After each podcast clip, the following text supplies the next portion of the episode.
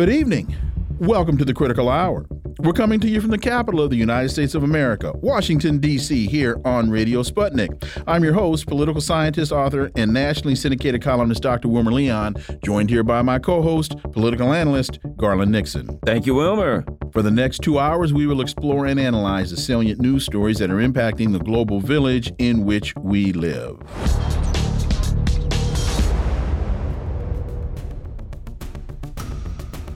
There's an interesting article in the Washington Post. Auto workers used to be the best paid workers in the U.S. What happened?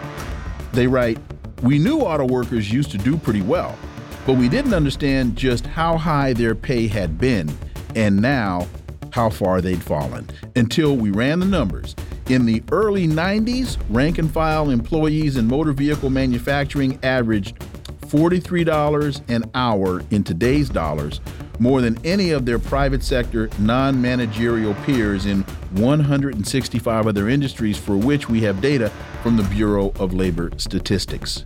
Well, what does this really mean and how does this apply to the UAW strike that's ongoing? For insight, let's turn to our first guest. He's an author and two time Pulitzer Prize finalist and a Knight Fellowship recipient with more than 20 years of journalistic experience. He's a former Washington Post bureau chief and award winning foreign correspondent on two continents. Jon Jeter, as always, Jon, welcome back.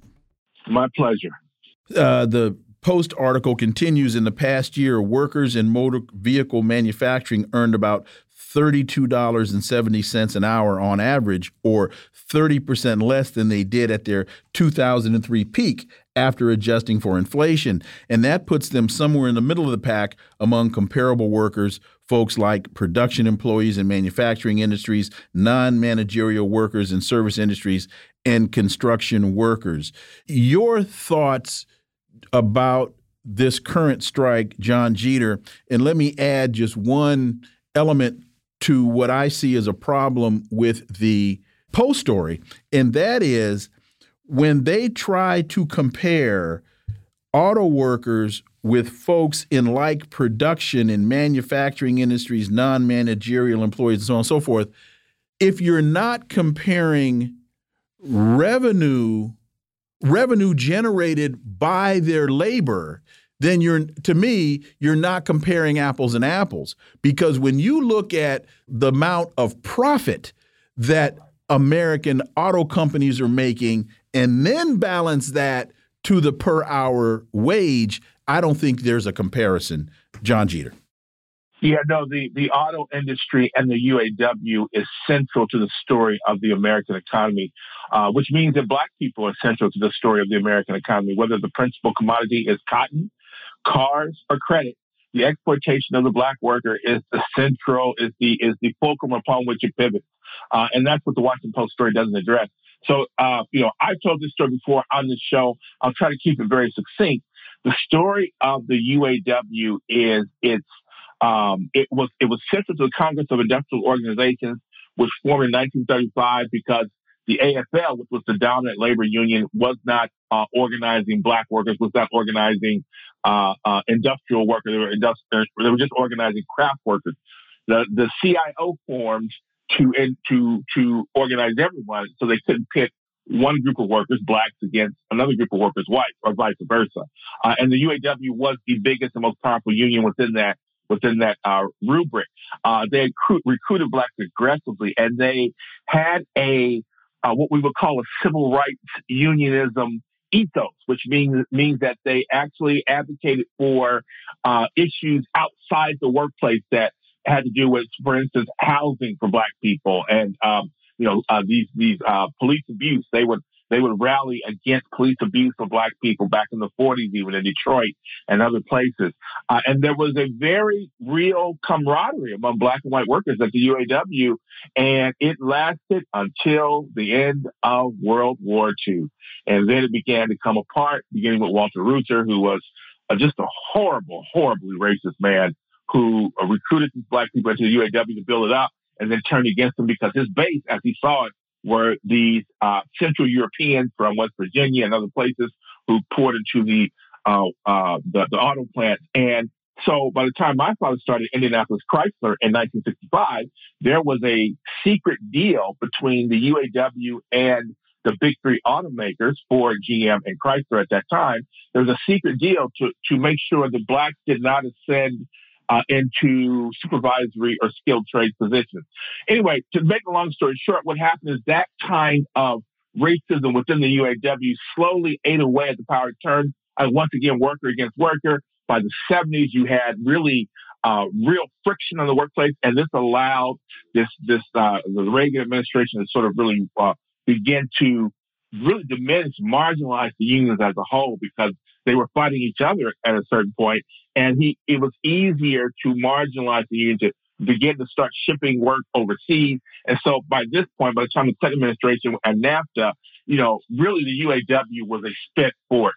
Uh, I don't know if this is going to revive it. I suspect that uh, those days are probably past, but I do think there is a possibility that the uh, the UAW could be a viable union uh, again under the right leadership. It can be a viable union that begins to rebuild um, the the material conditions, restore the material conditions for their workers, and allows the union to go forward and to be a leader in the uh, in, organi- in the ranks of organized labor. I do believe that's possible. I don't believe it's going to ever be what it once was, but there's a possibility. I think that we could start to uh, um, um uh, redeem, uh, see, see a redemption of the UAW in terms of its racial history, which has allowed it to be split, basically divided. This, it's the dividing conquer rule is what I'm trying to say.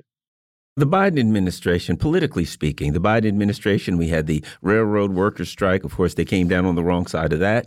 We've got this UAW strike, and you know, there's kind of radio silence from them. They, you know, Joe Biden, you know, rhetorically was the FDR and the greatest supporter of uh, unions ever. Blah blah blah. But in the physical world, he hasn't done so well. How does this affect, and does it affect? The 2024 election? Or does it get to the point where when it gets close, they just say, look, Trump, and the voters jump over and vote for Biden? Your thoughts? Yeah, I just, you know, the, the, the, the Biden administration has spun this narrative of Bidenomics and, and Joe Biden being the greatest union supporter of any president in history. I heard uh, Al, the Reverend Al Sharpton say this on his show last weekend. Uh, I just don't think it's going to take I don't know what Trump is going to do. I think it could be very risky for Trump to go out there, as I think he has threatened to do, to go and and and talk to these figures. I think that could be very risky. Although these kinds of stunts have worked with Trump in the past, I don't I don't know if it will work this time. But I don't think it would it would result in uh, any kind of um, uh, uh, uh, workers going to to vote, particularly the rank and file workers going to vote for Biden. I just think that uh, the rank and file understands that Biden is no friend of labor. He works for the bosses, for the employers, for investors, not for them. And I just think that that ship has sailed, right? I mean, the media continues to try to spin it, but I just think most people, and you know, there's a lot of things that we don't have a understanding for. The American people don't have an understanding of. We have been propagandized to death.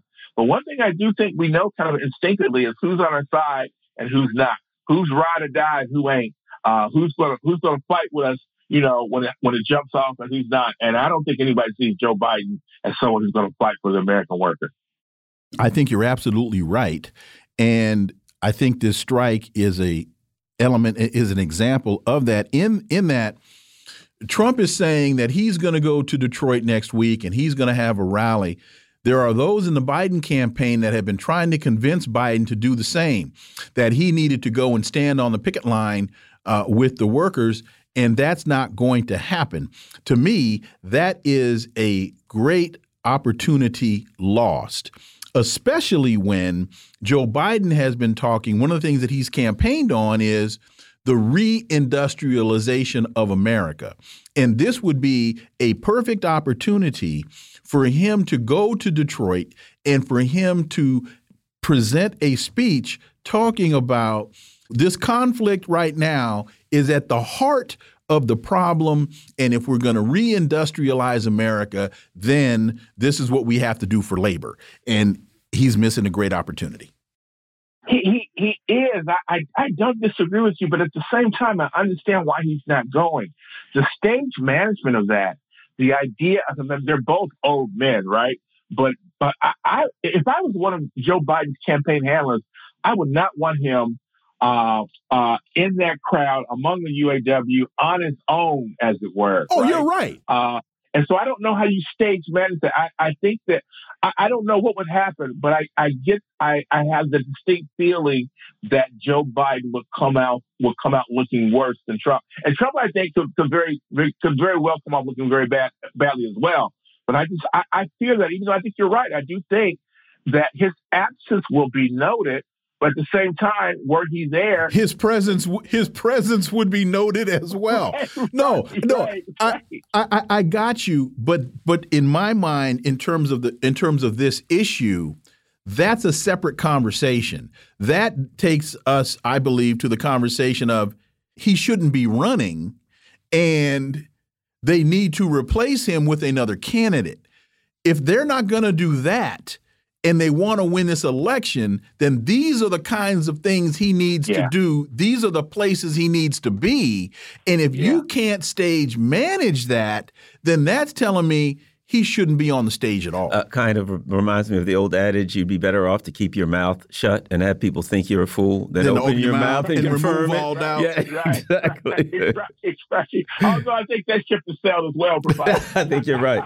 Black Agenda Report: Barack Obama devastated millions of people all over the world and speaks of his actions if they were committed by someone else. It's a masterful performance by a man committed to this deception. He's been lately saying, "Yeah, Libya, we got to help those people out, and uh, they got." floods, blah, blah, blah.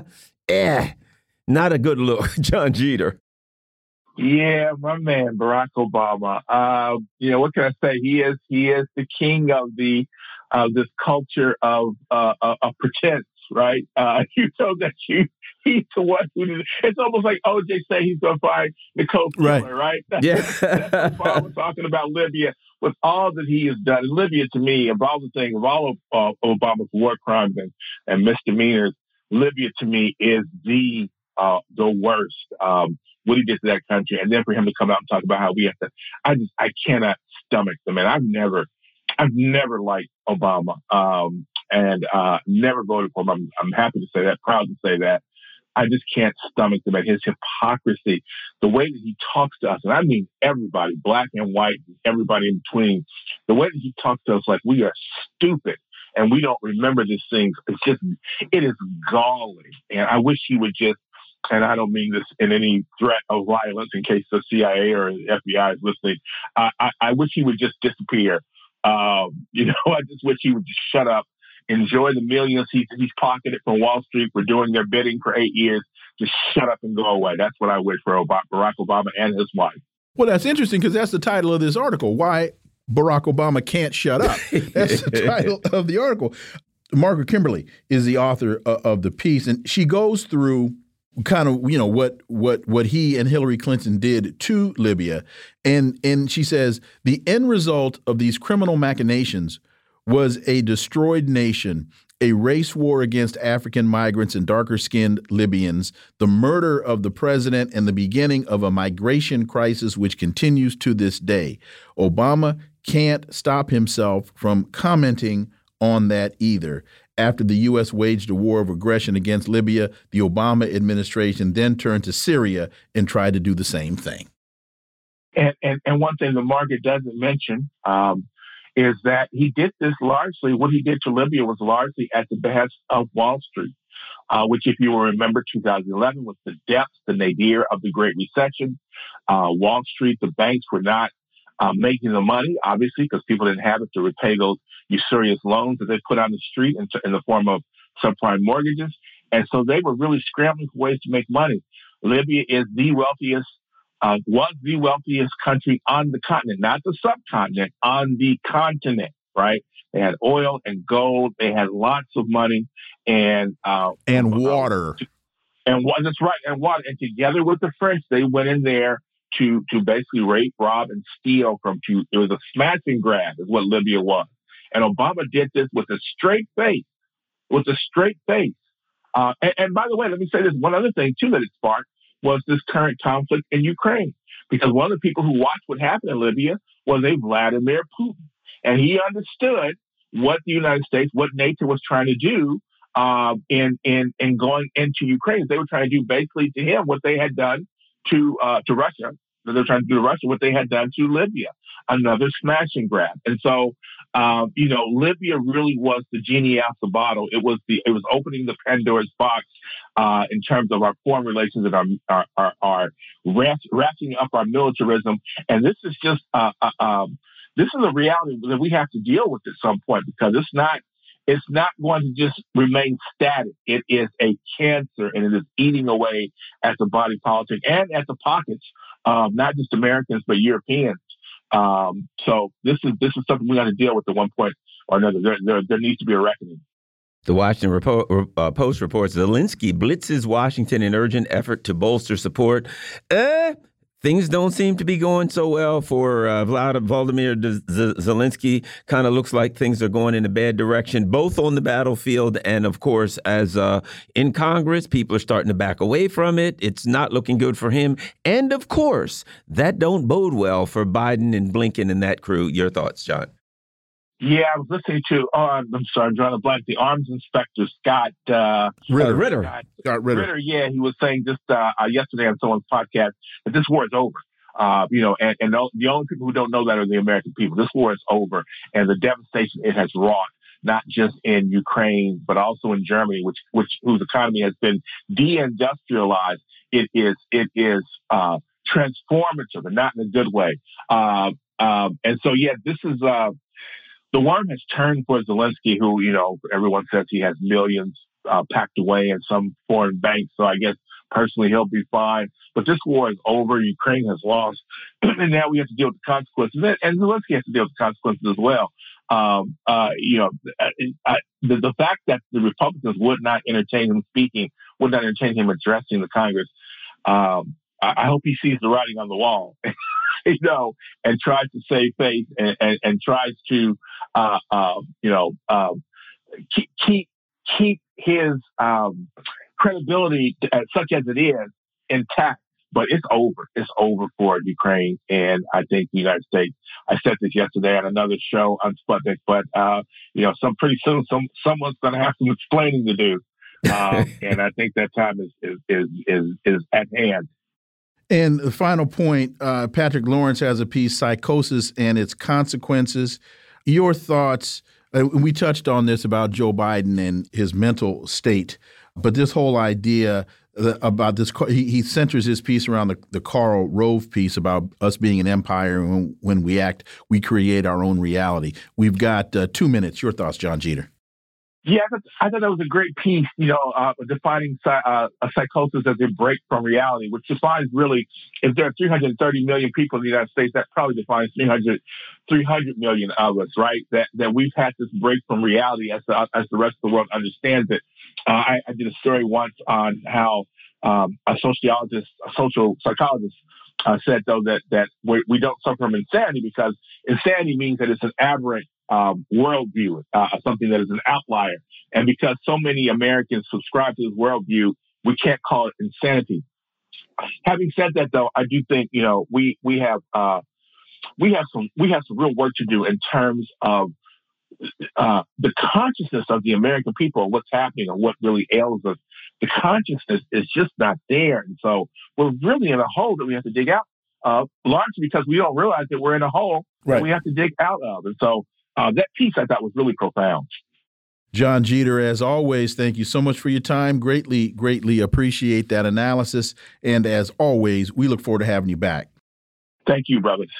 Folks, you're listening to the Critical Hour on Radio Sputnik. I'm Wilmer Leon. I'm joined here by my co host, Garland Nixon. There's more on the other side. Stay tuned.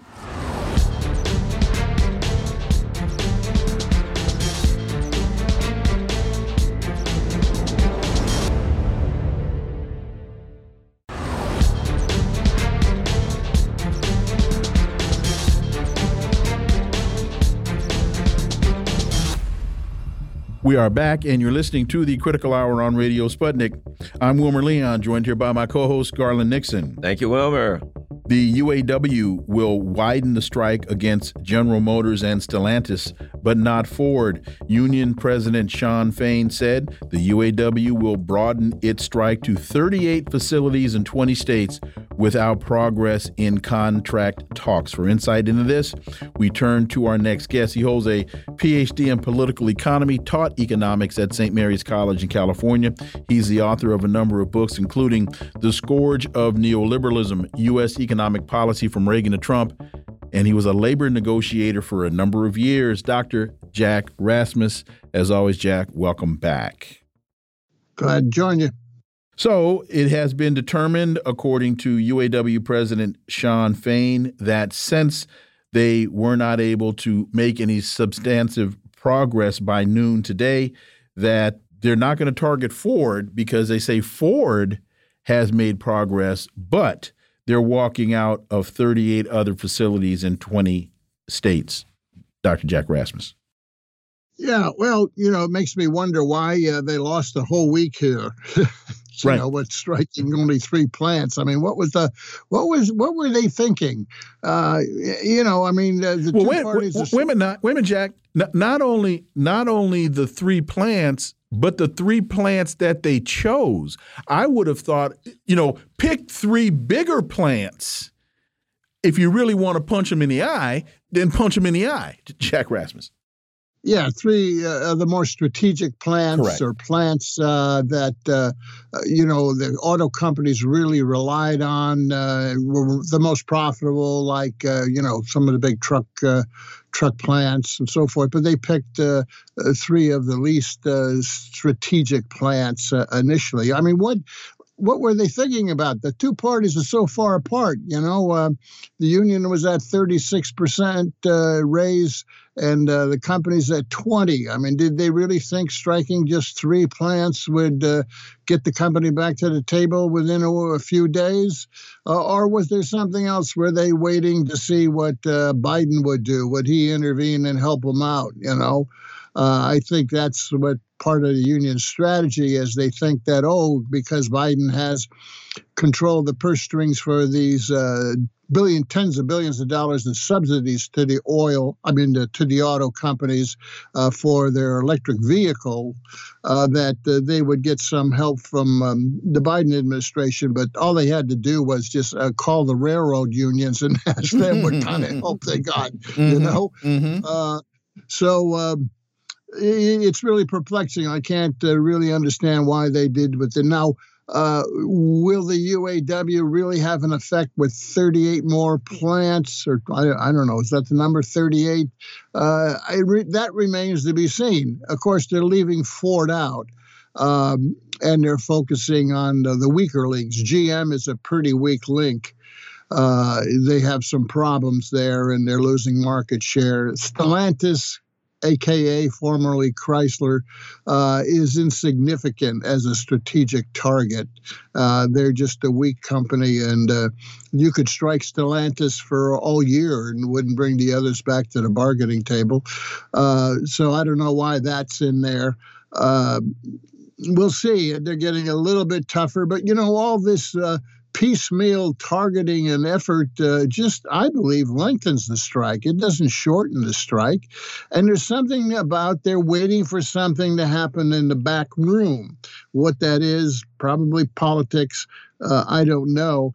Uh, and, and, that's always been the problem with labor in the past. You know, they've been so tied to the Democratic Party, they think the Democrats are going to help them out. And, uh, you know, this is true for the whole AFL-CIO, and the Democrats uh, in the last several decades, at least, just don't deliver. Uh, they they ask their vote, and maybe the union thinks because they haven't endorsed anybody uh, that they got some pressure on the administration. Uh, but I'm very skeptical of, of that, uh, or that uh, Biden will intervene on behalf of the. auto workers here and try to get the parties to settle. I, I just don't see that happen. I may be wrong, you know, but I, I just don't see that happening. Uh, and um, the parties are still quite far apart. And, uh, you know, the, the, auto workers are justified. The, the, they had a disastrous negotiation in 2019. Uh, their real wages have gone down um, 19% here in the, in the last four years. They have this terrible two-tier wage structure where the the new workers uh, uh, coming on are much less paid and takes them longer to get to the top of the wage uh, structure and progressions. Uh, it, it's a disastrous situation, uh, and uh, they got to get the COLA cost of living adjustment back. The pensions are, you know, terrible now. They they need a, a real boost and and restructuring. Um, they got a lot a lot to do here. And uh, you know the the UAW and manufacturing, uh, you know, has always this this leverage that that the companies have over them of uh, well you know you don't like it we'll move more plants to the south or we'll uh, these, these new electric vehicle plants you know we won't build them in the north. Uh, we'll we'll put them in the south which is ununionized or, or we'll send them to Mexico.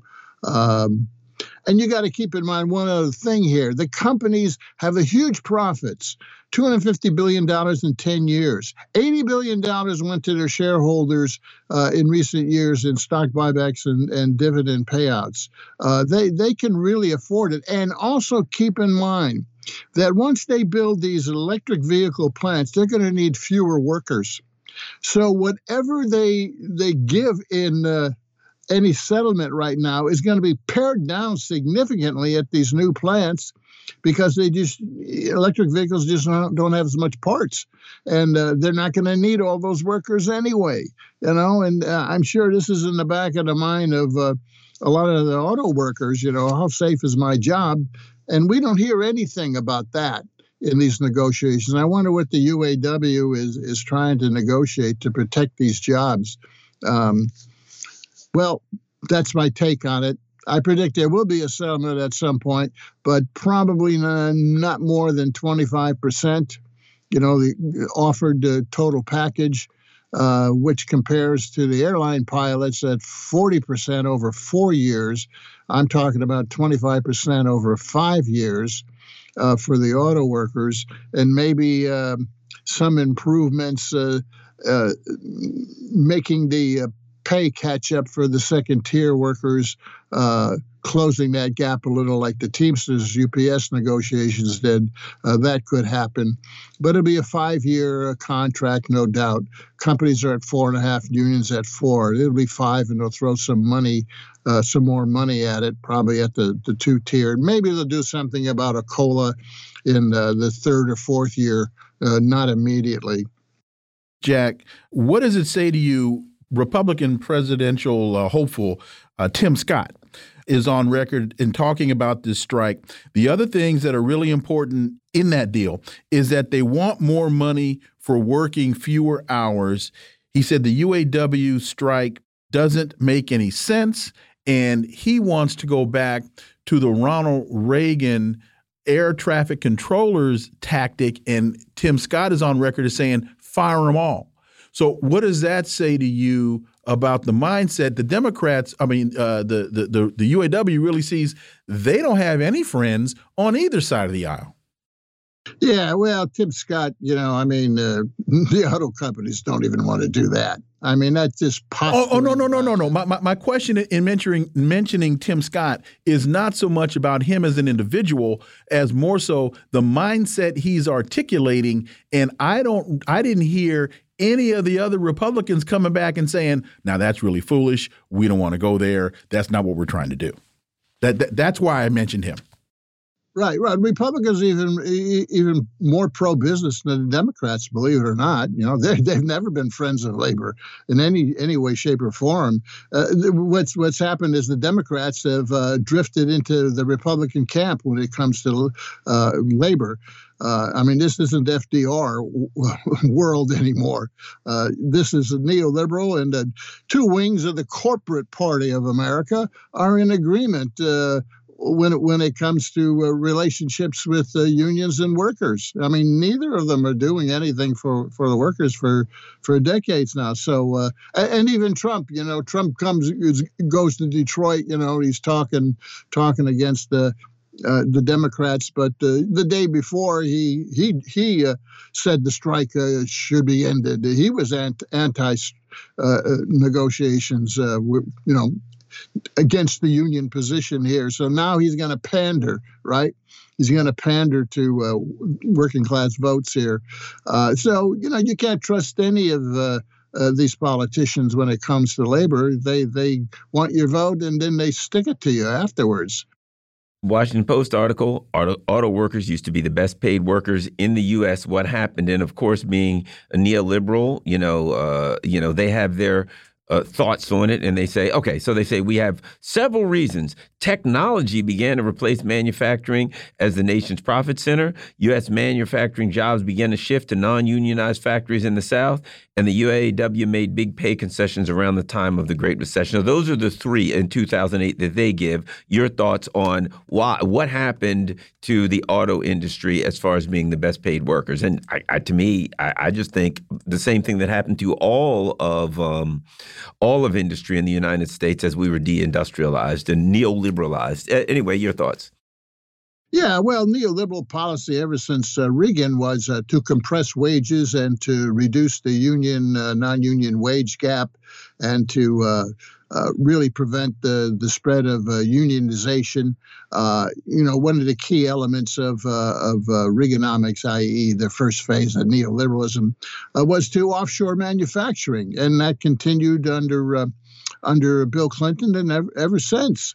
Uh, you know, back in uh, 1980, uh, union membership was about 22% of the labor force in the private sector. Now it's only 6%. Uh, so they've destroyed the unions.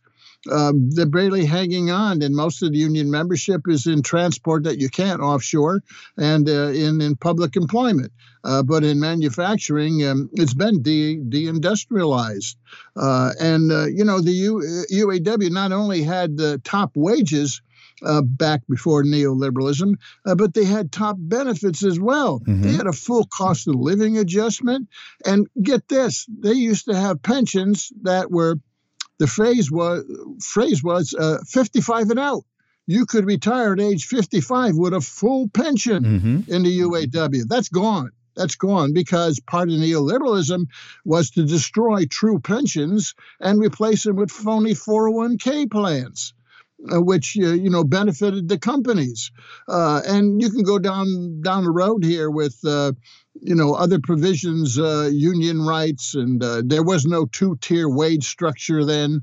You know, second class citizens. There weren't any temps in in the labor force. Unions would not allow the temps. You had to hire a full time person, and all, all you know I could you know enumerate all kinds of contract language that used to exist but uh, concession bargaining uh, was uh, part of neoliberalism and Reaganomics. Actually, concession bargaining began with the auto workers in the 1979 uh, Chrysler strike, Chrysler UAW strike, which the union lost uh, because the union head there, Doug Fraser, uh, agreed with uh, do a favor for his friend Jimmy Carter who intervened and forced the unions into this terrible uh, take back concession bargaining. And that set off concession bargaining ever since. It's been going on 40 plus years. And what we're seeing this year is are the unions able to stop it? Uh, in other words, no more concessions and start reversing it uh, going back. Well, the Teamsters have started a little bit with that. Uh, you know, the uh, railroad workers did not. They failed because of uh, threats of uh, anti strike legislation. Uh, by the Democrats, and we'll see whether the auto workers can stop concession bargaining, stop giving up things. And boy, did they give up a lot here, especially in the last decade, in 2019 and in 2008 9, uh, they've they've gone backwards at uh, an accelerating speed. Um, and can they stop it? Can they start rolling it back? That's the strategic significance of the auto workers strike.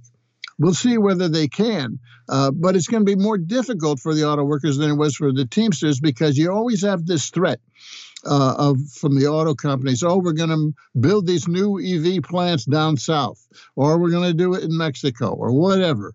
You know, where the union does not uh, have uh, any contracts, even in the U.S. South, it doesn't have any contracts. Uh, and these are, you know, the new auto plants and all the foreign companies auto have built in the South. Uh, these are states where you have what's called uh, right to work laws. Uh, this not it's a phony phrase, but what it means is even if the union comes in, uh, the union can't negotiate uh, requirement for the uh, workers, even if the union wins the election, the workers don't have to join the union and don't have to pay dues. So you always have a weak workforce there um, and it's split between union and non-union, even in a union contract in the South, right to work. That keeps wages down, um, and offshoring keeps wages down. And uh, both parties, by the way, Republicans and Democrats, have provided tax cuts incentives for companies to offshore. Yeah, the workers and taxpayers are paying for the companies to move offshore, which they've done. The next story that we are looking at when rates drop, they usually plunge. The Fed thinks different. History suggests central banks' expected scenario isn't likely to happen. The Fed is hoping for something it has never managed before, not merely the softest of soft landings for the economy, but the slowest rate cutting cycle in its history. Your thoughts, Jack Rasmus? Yeah, well, you know, even Larry Summers says all this talk about a soft landing uh, is. uh, well, I say it's phony, but he says uh, he doesn't agree with it either. Uh, he says uh, only one out of three chance of soft landing. In other words, the Fed uh, will be able to uh, avoid a recession here and will be able to lower rates slowly. When you find uh, interest rates, uh, you know, plummeting, that means you're in recession, right? And they got to drop rates real quick. Uh, well, that's the big debate. You know, is it uh, going to be a recession deepening here uh, in the fourth quarter or not? Uh, if if not, then the Fed can keep rates up and slowly bring them down. But if you got a recession, uh, they're going to have to bring them down you know, much much faster. You know, I think if you look at uh, consumers, what what do you got? Uh, even uh, Jamie Dimon of uh, of uh, uh, Chase Bank says um, excess saving savings are gone. You know, there's only 200 billion of what was once 2.1 trillion in excess savings by consumers and households. It's gone. Uh, so, you know, consumer spending is going to be impacted by that. Credit card debt is at a record $1.27 trillion, according to Bank America, right? And the rates are up.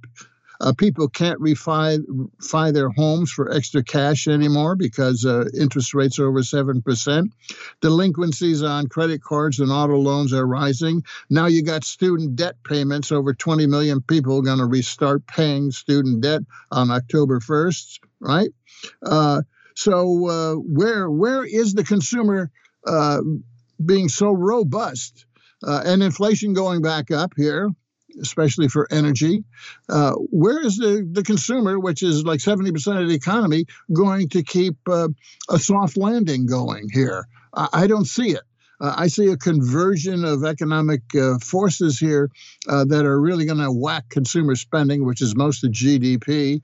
Uh, and uh, I, I see uh, a, a, continued slowdown this winter of the U.S. economy, uh, and the Fed's going to have to start lowering rates. Dr. Jack Rasmus, as always, thank you so much for your time. Greatly, greatly appreciate that analysis, and we look forward to having you back. Always glad to join you guys. Folks, you're listening to the Critical Hour on Radio Sputnik. I'm Wilmer Leon. I'm joined here by my co host, Garland Nixon. There's more on the other side. Stay tuned.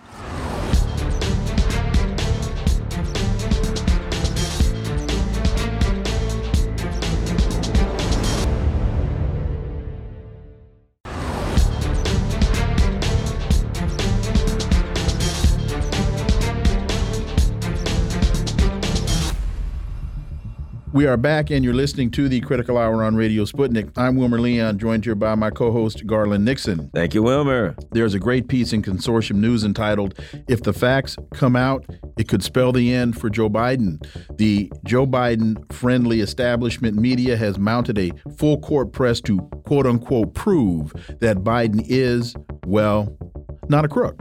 The stakes are extremely high. Biden is vulnerable, and media players are using a fare thee well, the old adage about the best defense being a good offense.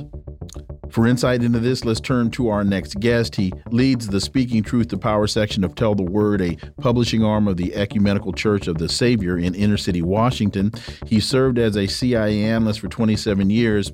His duties included chairing national intelligence estimates and preparing the president's daily brief. And in January of 2003, he co created Veteran Intelligence Professionals for Sanity. And he's the author of this piece. Ray McGovern, as always, Ray, welcome back. Thank you you continue the the New York Times, the Washington Post, the Wall Street Journal are desperately trying to steal the ball and get ahead in the publicity game, but time is about to run out and preemptive propaganda is unlikely to snatch victory out of the jaws of defeat if the facts do come out and if they are reported Biden's presidential hopes may suffer a mortal blow. So Ray, the information that the FBI was hiding in the last election that polling said had people known about it before they voted, they would have voted differently. Uh, and Trump may have very well, lost, uh, uh, Biden may have very well, very well lost the election. This is catching up to him now. It is, and uh, I think um, I think if memory serves, I capitalized both the I and the F. And I tried to stress that in in as I read it. yeah. So here we are uh, a year before the election, and uh, it's already becoming very clear that here Biden su- supported this coup in Kiev, February 2014, May 2014. His son Hunter gets pushed into a very lucrative job on a board that he didn't know anything about. It's an energy company, and so forth and so on. So it was clear then, uh, if not revealed in the mainstream press, that corruption was uh, well was well well in, in place. So my my point there was, you know, if if this is reported in the media, uh, then there's a reasonable chance that people will know what a corrupt person or what corrupt people these Bidens are, and he might even not even get the nomination at that point. Well, you know, I didn't know the half of it at that point. The other half, of course, was uh, the deep state, which is part of the MICIMATT and part of the uh, media. Uh, and it was the deep state that really put the kibosh uh, on uh, on any chance that truth would come out. Just two weeks now before the election in 2020. What I'm referring to, of course, was the re- the revelation that Hunter Biden's laptop was full of not only scurrilous stuff, but all kinds of information indicating what he was about, and the the graft and the bribery that was that was afoot. Now, what did the media do? Wow, it's really interesting. The media put the kibosh on that. It appeared in the New York Post, and what New York Post was knocked off Twitter for God's sake, knocked off. They, they they used the social media to suppress this information. There was only one one journalist that had the guts to step forward and say, "No, I'm going to publish on that." His name is Glenn Greenwald, and he had to leave the institution that he himself had set up because he couldn't abide by this cover up. So what happens? uh, Tony Blinken, who was working, of course, for the Bidens at the time, calls up Mikey Morell, uh, acting director uh, previous for the CIA, and says, "Mikey Morell, can we do something about about this laptop? It's terribly embarrassing. Could we maybe? Uh, what would you suggest?" Well, Mikey says, "Oh, we could say." Oh, here's an idea. We could make we can make believe it was a Russian disinformation operation. Tony says, Oh, Mikey, that would be wonderful. How soon can you do it? Uh, can you give me two days? Okay. Now, the result of that was 51, 5 1. Former intelligence director, most senior of the intelligence community, pronounced in a former memorandum uh, publicized by Politico, uh, this business about Biden, Hunter Biden's laptop bore all the earmarks of a Russian disinformation intelligence operation. Now, next thing you know, two days later, Biden gets up and he's debating with Trump for the last time. And Trump raises this, and Biden says, Oh, don't you know? Don't you know? You redheaded sop. this is a Russian intelligence operation. Guess what? Most people believe that. Now, whether that would have meant that Trump would have won instead of Biden, I don't know. You know, I, I don't know it's possible to know that, but certainly that was a that was an incredible e- example of how the evidence was out there. The mainstream media, all those people I mentioned in that article, were playing along. You know, it was a full court press, and they needed they needed the deep state. They needed Tony Blinken's links with the intelligence community, put the kibosh on all the stuff about Hunter's laptop. Now, of course, Hunter's laptop is seen now as this completely un- unvarnished truth to the degree it reflects that. And this is sort of the, the killer here. The FBI had that laptop, for God's sake. They had it months before. Do you think those intelligence directors had a, had a chance to say, hey, FBI, you have the laptop. What does it say? Is it does it have all the earmarks of a Russian intelligence? They didn't even do that. So that's how corrupt the system is. And you know, it, re, it results in whether people get elected or not. And I, I, I dare say, with the latest revelations, Menendez, hmm. they're all corrupt. Throw the bums out. You know, um, and this is related. There's a Washington Post has an article. House GOP briefed on Biden Ukraine emails, but little new information emerges. And if you read the article, they're kind of implying, "Oh yeah, there's emails, but there's nothing to see there. See, there is nothing there." Well, here's to get back to what you you said, Ray. They don't need any more information. If you read the FBI 1023, where a um, someone from Burisma came forward to the FBI and spilled the beans on Joe Biden and even said, Oh, by the way, we have audio tapes. We taped the conversations with Joe Biden and Hunter Biden.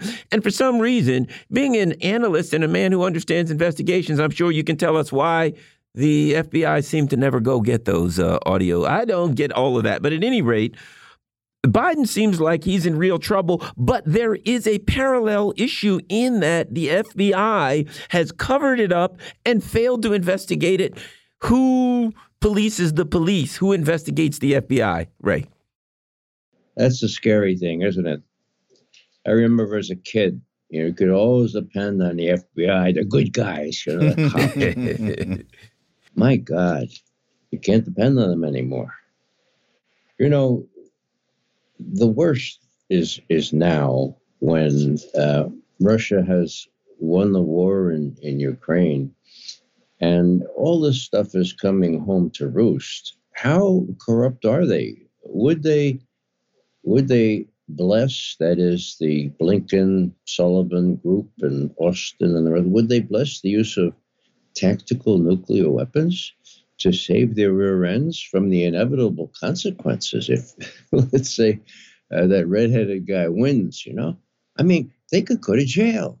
So all this stuff, this corruption, uh, it can be very, very consequential if, in ter- if it turns out that uh, uh, these guys decide, well, the only way to save ourselves, to save Ukraine and save Zelensky, is to not only put cluster munitions, not only put uh, um, shells that have depleted uranium in them. No, no, let's let's use a, a limited nuclear. Would they do that? I wouldn't put them past them. Put it past them, and that's why after sixty years of watching this thing, I'm more scared than ever that we could come to a nuclear war. And there's a, another piece in consortium news by Jeffrey Sachs, NATO expansion and Ukraine's destruction. And I think this follows on to the point that you just made.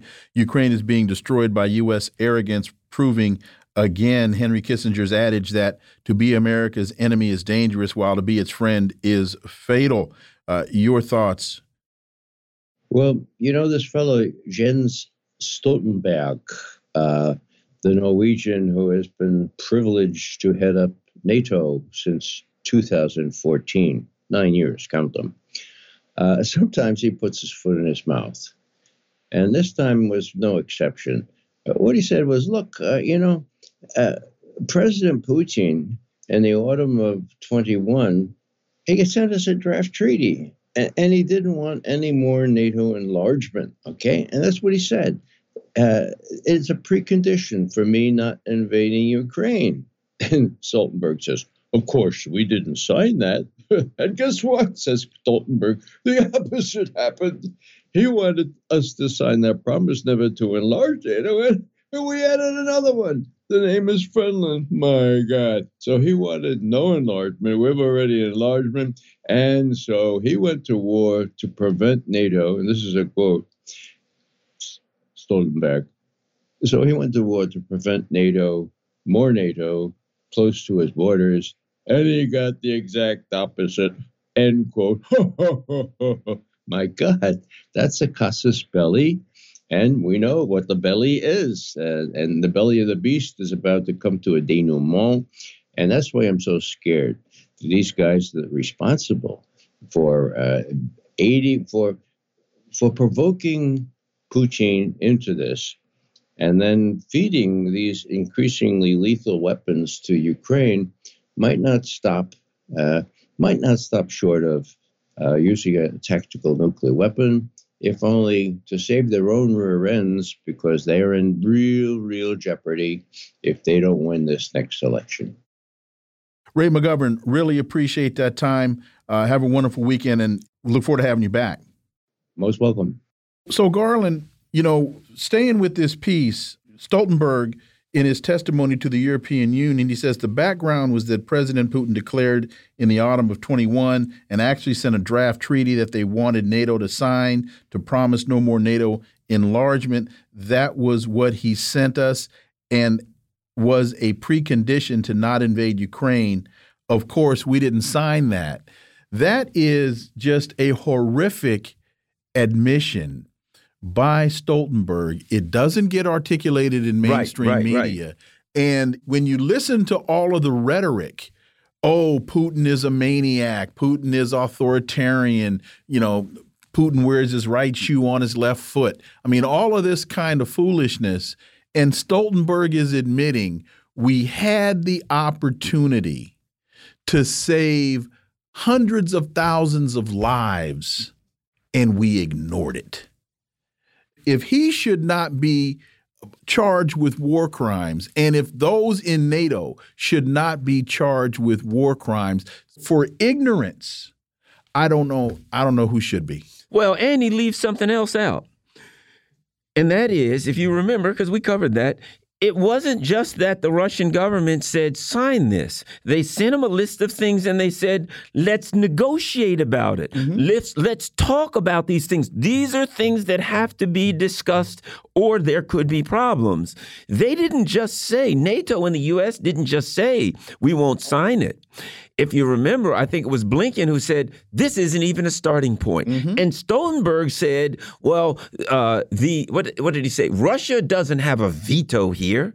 So he acts as though that the only thing, the only opportunity they had was to take a demand by Russia and sign off on the demand. They refused to even negotiate with Russia. And Russia, uh, if you remember, the Russian government also said, look, we need an agreement that uh, addresses security both for the Europe and for us. They used the term indivisible. No one can enhance their security and hurt the security of the other entity. So if you look back at, at what happened, Russia came to them to negotiate and said, let's do this fair where everybody gets this. And they just said, no, they just blew it off. No, you don't get a say in here. And if you go back to Patrick Lawrence's piece where he uses the Karl Rove quote, which I used in a piece that I just wrote about the falling of empire, we're an empire now, and when we act, we create our own reality. And while you're studying that reality, judiciously as you will, we'll act again, creating other new realities, which you can study too. And that's how things will sort out. We're history's actors, and you, all of you, will be left to just study what we do. That's the arrogance that has led to the fall of the empire because all empires fall and they and they have fallen because they overestimate their own strength and ability to repel the reality of time. And Stoltenberg and Blinken and Biden, we've talked about this before, they didn't expect Russia to act. And we've been saying on this show for years China doesn't bluff, Russia doesn't bluff, Iran doesn't bluff. You and I were talking earlier today about our misperceptions of time mm -hmm. that that when when Iran said that they were going to react to the assassination of Soleimani, but nothing happened immediately. There was this false sense of security. We got lulled into into believing, oh, they're just bluffing. No, they operate as they say. What you have the watches, but we have the time. And you know, and and take this statement where Stoltenberg says Putin went to war to prevent NATO, more NATO close to his borders. But just the other day at the UN, Zelensky said we've got to stop him because he's trying to expand. And when he gets to Poland, he's going to keep going. He wants to expand. It's neo imperialist, blah, blah, blah, blah, blah. But if you put it Stoltenberg's being honest, saying the man said he didn't want NATO close to his borders, yet they come up with their story, their lie, their narrative. Oh, no, no, no, no, no. Meanwhile, um, no, he really just wants to expand for no reason. So they, the right hand doesn't even know what the left hand is doing. In create, doing the Karl Rove move to create a new narrative, they can't keep up with their own narrative because one of them accidentally tells the truth. So he went to war to prevent NATO, more NATO, close to his borders. He has got the exact opposite. Well, Jens, I think you're losing the fight. You know what I would add? NATO claims they're there for the security and peace of Europe, and they've got the exact opposite. It, not a bad, not a bad retort. Folks, you're listening to the Critical Hour on Radio Sputnik. I'm Wilmer Leon. I'm joined here by my co host, Garland Nixon. There's another hour on the other side. Stay tuned.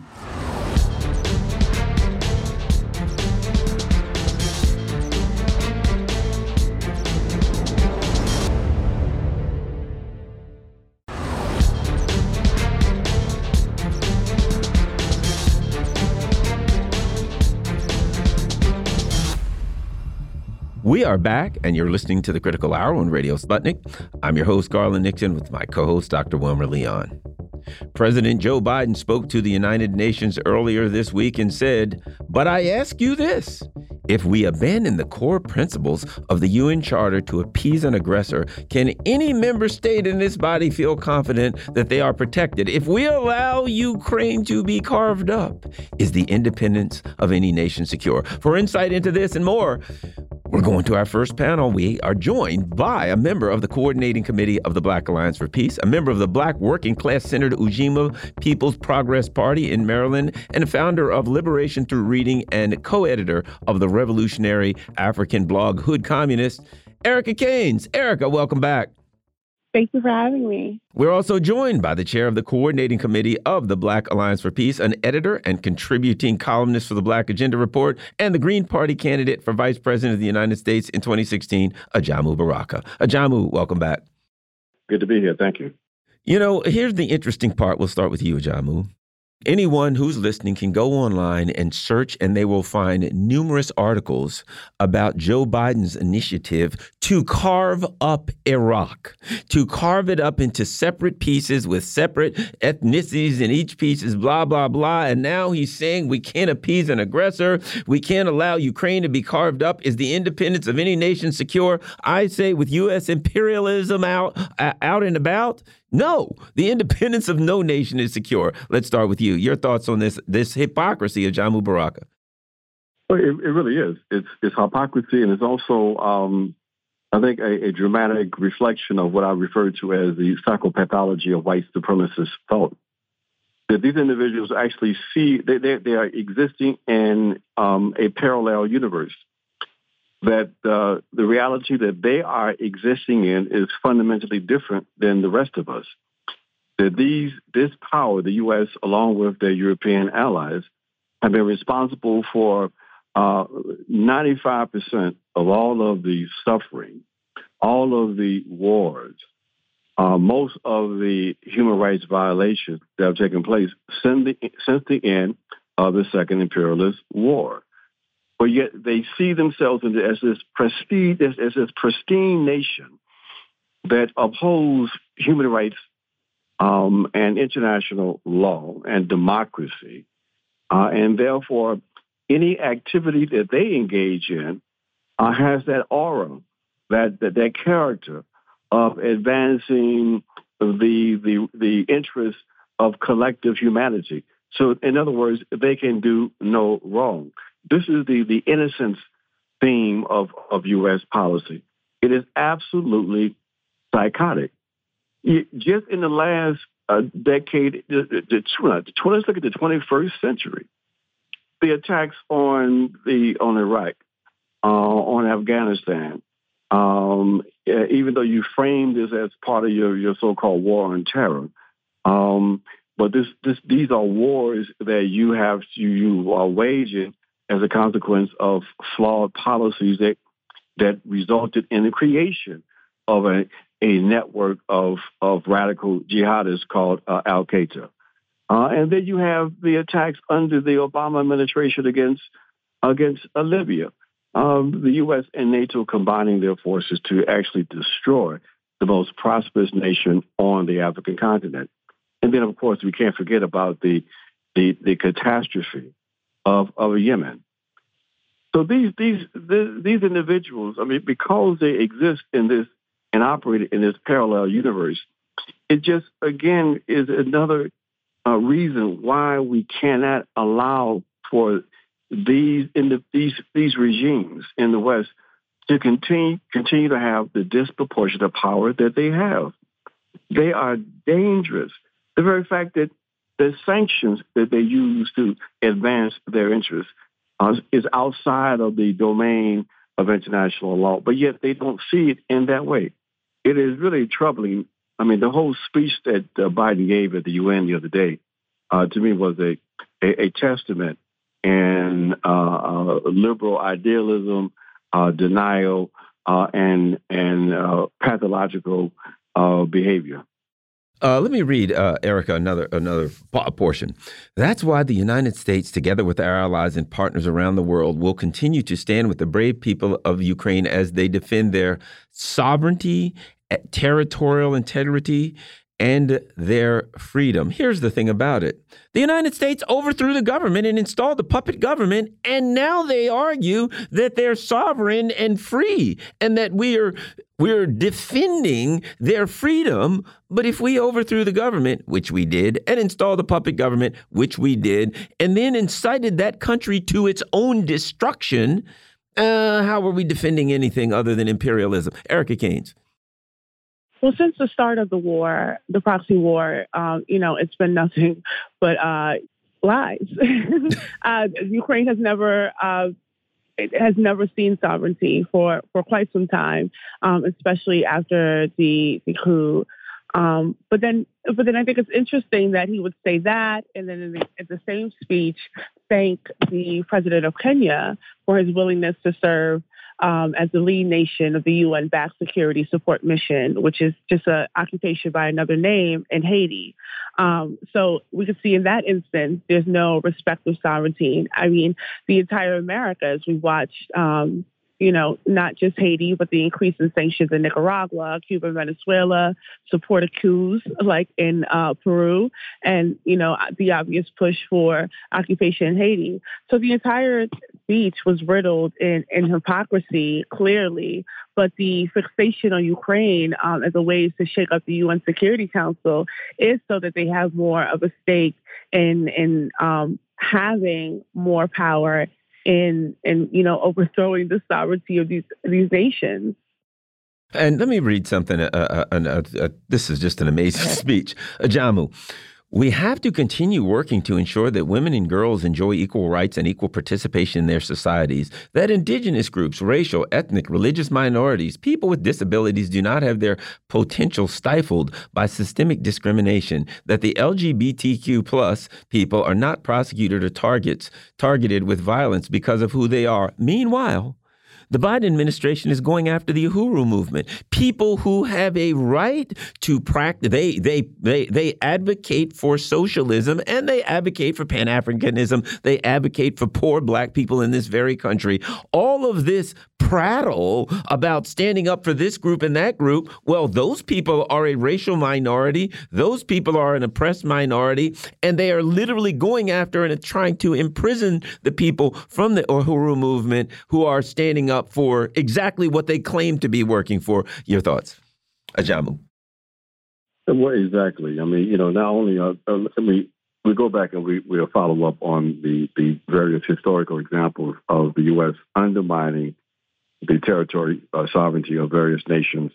Uh, and we have to include, for example, uh, Serbia. What happened to the, the territorial um, sovereignty uh, and integrity of Serbia when the U.S. Uh, unleashed its power against that country uh, in 1999 in a action that was not sanctioned by the by the United Nations Security Council?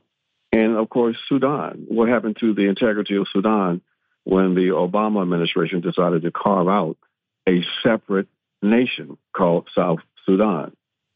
And as as as uh, Erica alluded to, um, Haiti, uh, the intervention, the armed intervention being advocated for and planned by the U.S.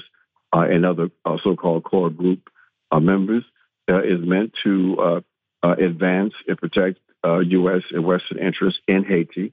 Everybody knows that the intervention is going to result in the deaths of Haitian people and the destruction of, of Haitian property. So the attacks on the states uh, mirror the attacks on uh, on uh, organizations and social movements because in order for the U.S. to engage in these kinds of uh, aggressive uh, activity, they need to have some degree, at least domestically, of support for for those uh, activities. so they make these justifications that these are humanitarian interventions they make the case that what we see in Atlanta is not um, a protest, legitimate protest, but protests being organized by uh, domestic terrorists. Uh, when the Uhuru movement and the African People's Socialist Party and others are advocating that uh, the, the war in Ukraine is not a war between Ukraine and Russia, but indeed a proxy war uh, organized and initiated by the Biden administration with their European allies, uh, then the, those positions are criminalized uh, in the form of indictments, indictments that will continue uh, because of the, of the totalitarian nature of this U.S. state.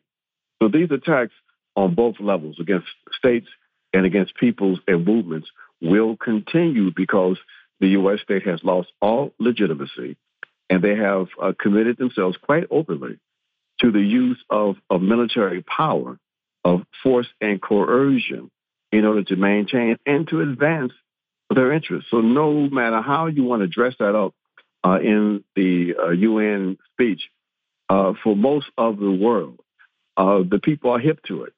There's a reason why the U.S. continues to be identified in international polls as the greatest threat to international peace. That is because they are. Erica, uh, and, and, I think it's important. I try to bring this up regularly: the the Uhuru movement and the African People's Socialist Party. So, as the hypocrites argue, oh, we're standing up for this group, that group, we're standing up for rights.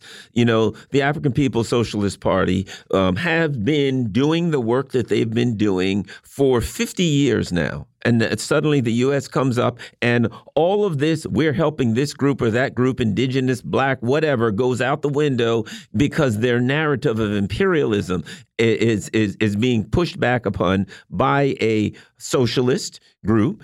And because the people refuse to back down and refuse to you know to turn their back on what they believe in and that is the advancement of the african people worldwide and and and to push back against their oppression. Your thoughts erica yeah I think Ajamu spoke with, to it really clearly, um, and he also speaks about the U.S. gangsterism, right? Um, the gangsterism of U.S. policy, uh, where the desire to like continuously expand its hegemony, um, it, it's played out.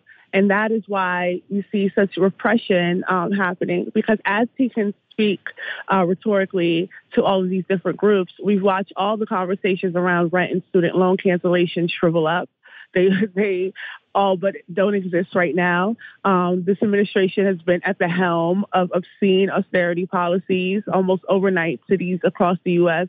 had access to millions of dollars um, that they can use to beef up their uh, police forces and in hires and invest in surveillance technology and reward their police departments with shiny new gadgets like robot dogs and and now there's cop cities. So all of these things have developed as he's giving lip service to um, you know, individual rights, to protect the individual rights while, um, you know, leaving the citizens of this of this nation destitute and criminalizing anyone who speaks against all of the issues of which I just reach, you know, I just spoke to.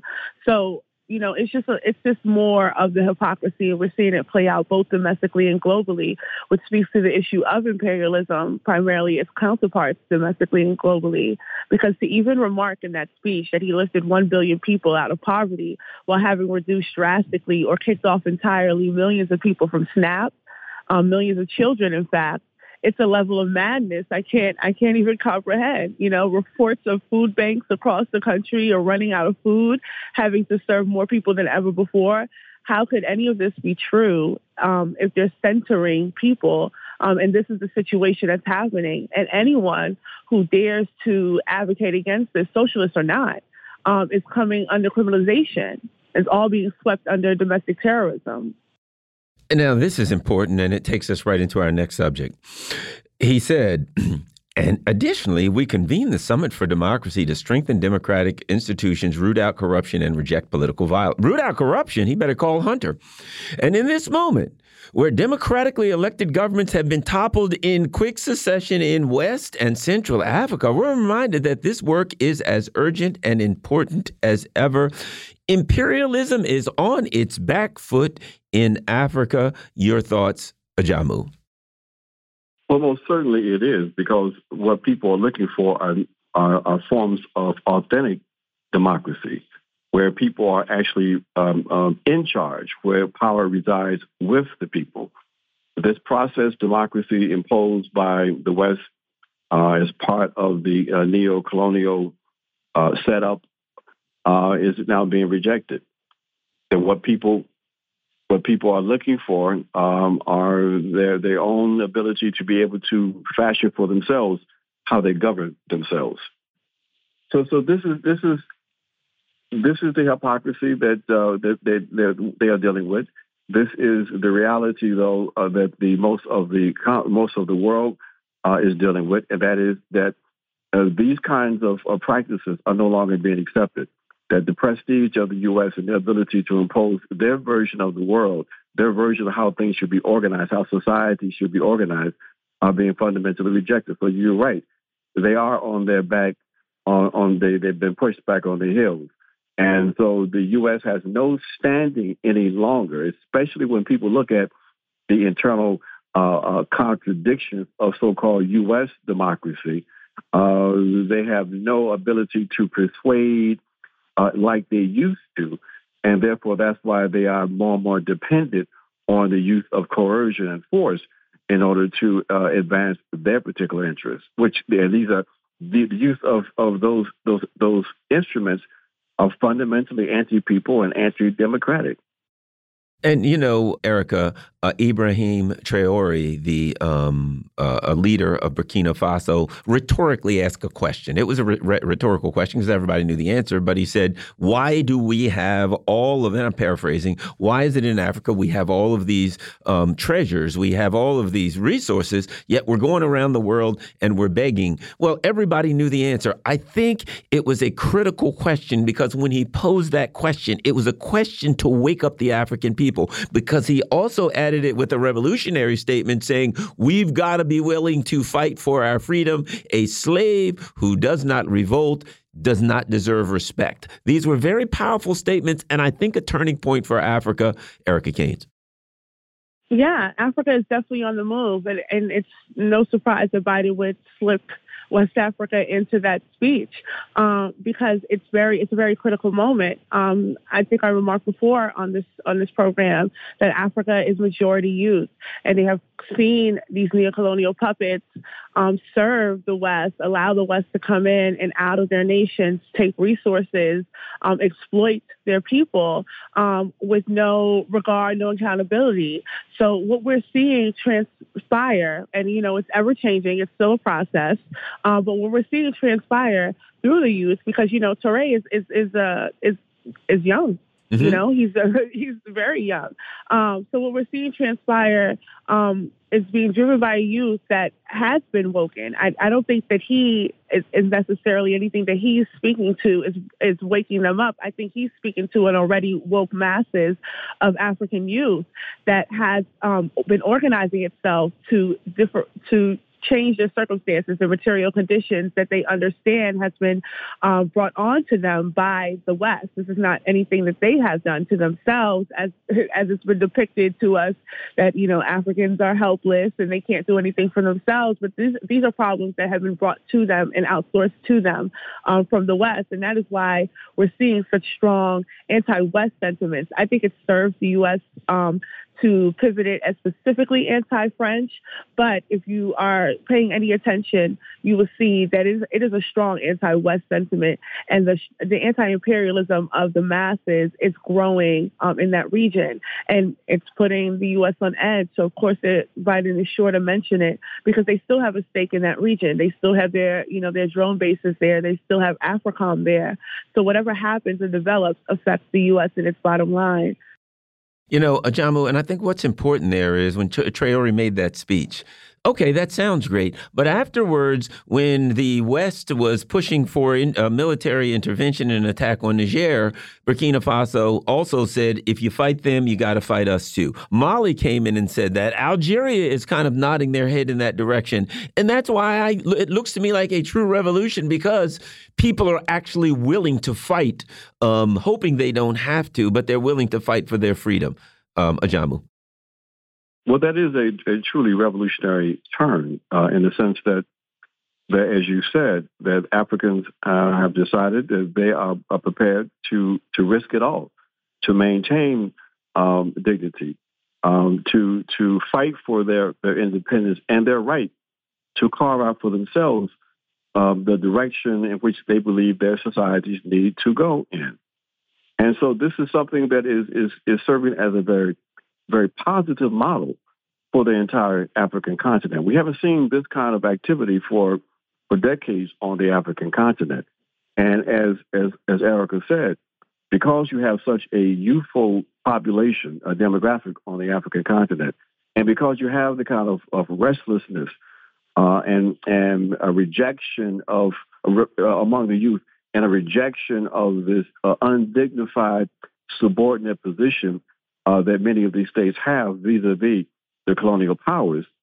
This this model is is helping to destabilize all of these various neo-colonial regimes across the African continent.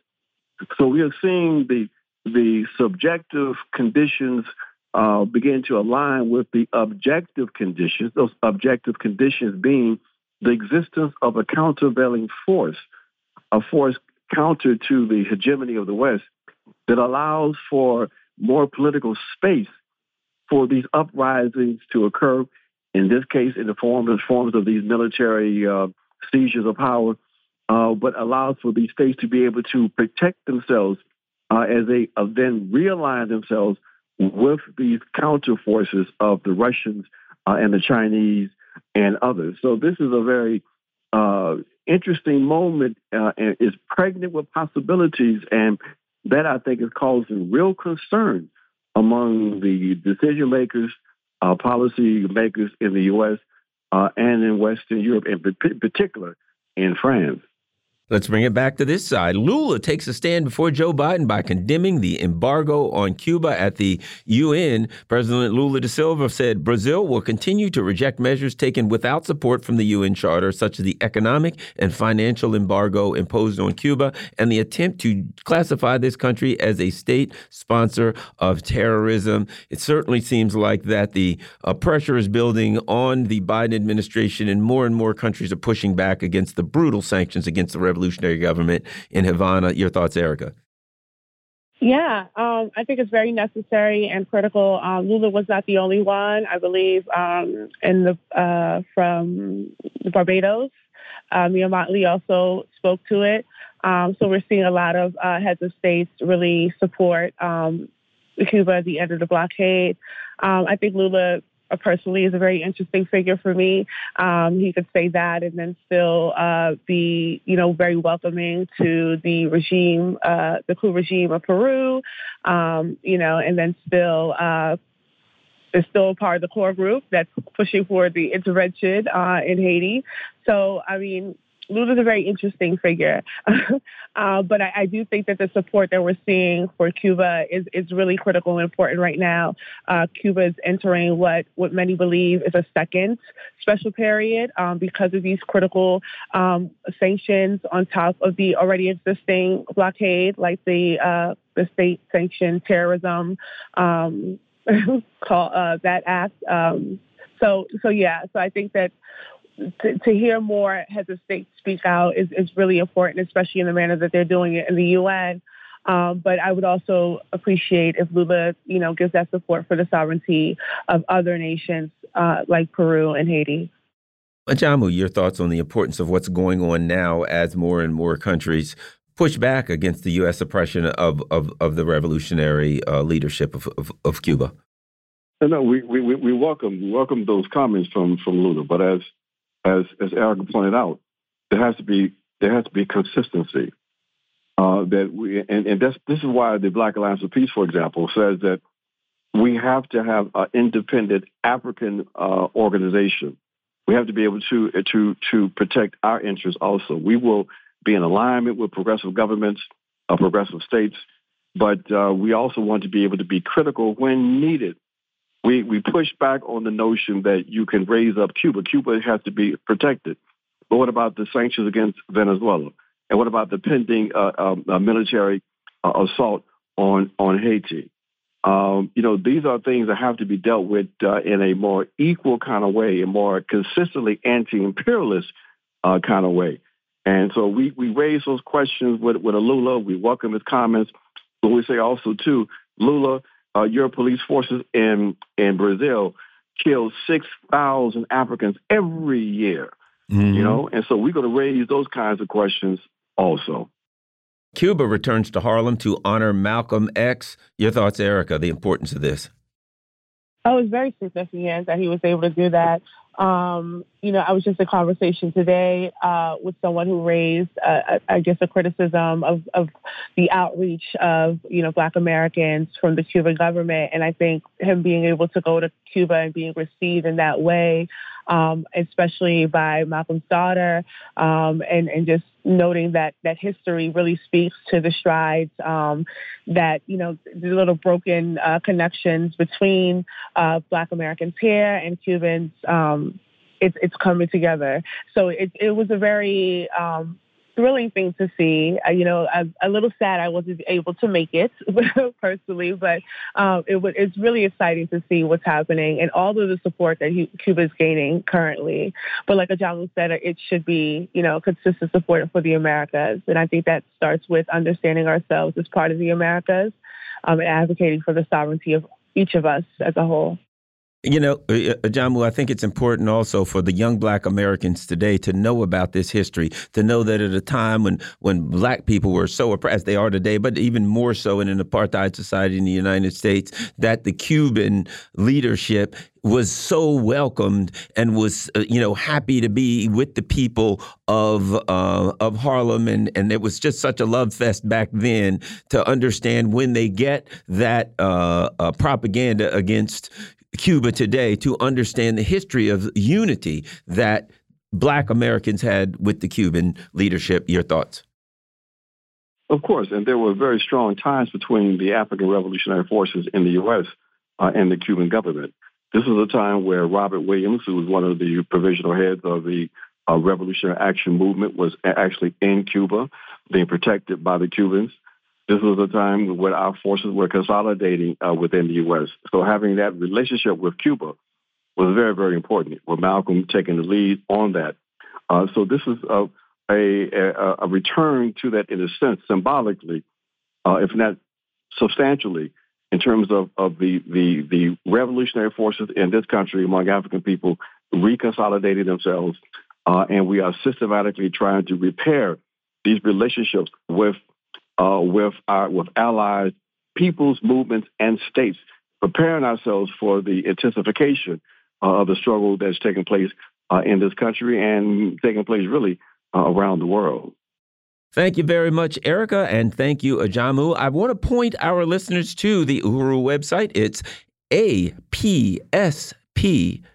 uhuru.org. That's APSP is African People's Socialist Party. So go to APSP, that's for African People's Socialist Party, Uhuru, U-H-U-R-U dot org to find out more about the Uhuru movement and how you can help them push back against their attack by the FBI. Erica Caines is a uh, member of the coordinating committee for the Black Alliance for Peace, a member of the Black Working Class Center Ujima People's Progress Party in Maryland, and the founder of Liberation Through Reading and co-editor of the revolutionary African blog Hood Communist. Ajamu is the chair of the coordinating committee of the Black Alliance for Peace, an editor and contributing columnist for the Black Agenda Report, and the Green Party candidate for Vice President of the United States in 2016. You're listening to the Critical Hour on Radio Sputnik. I'm your host, Garland Nixon. More on the other side. Stay tuned.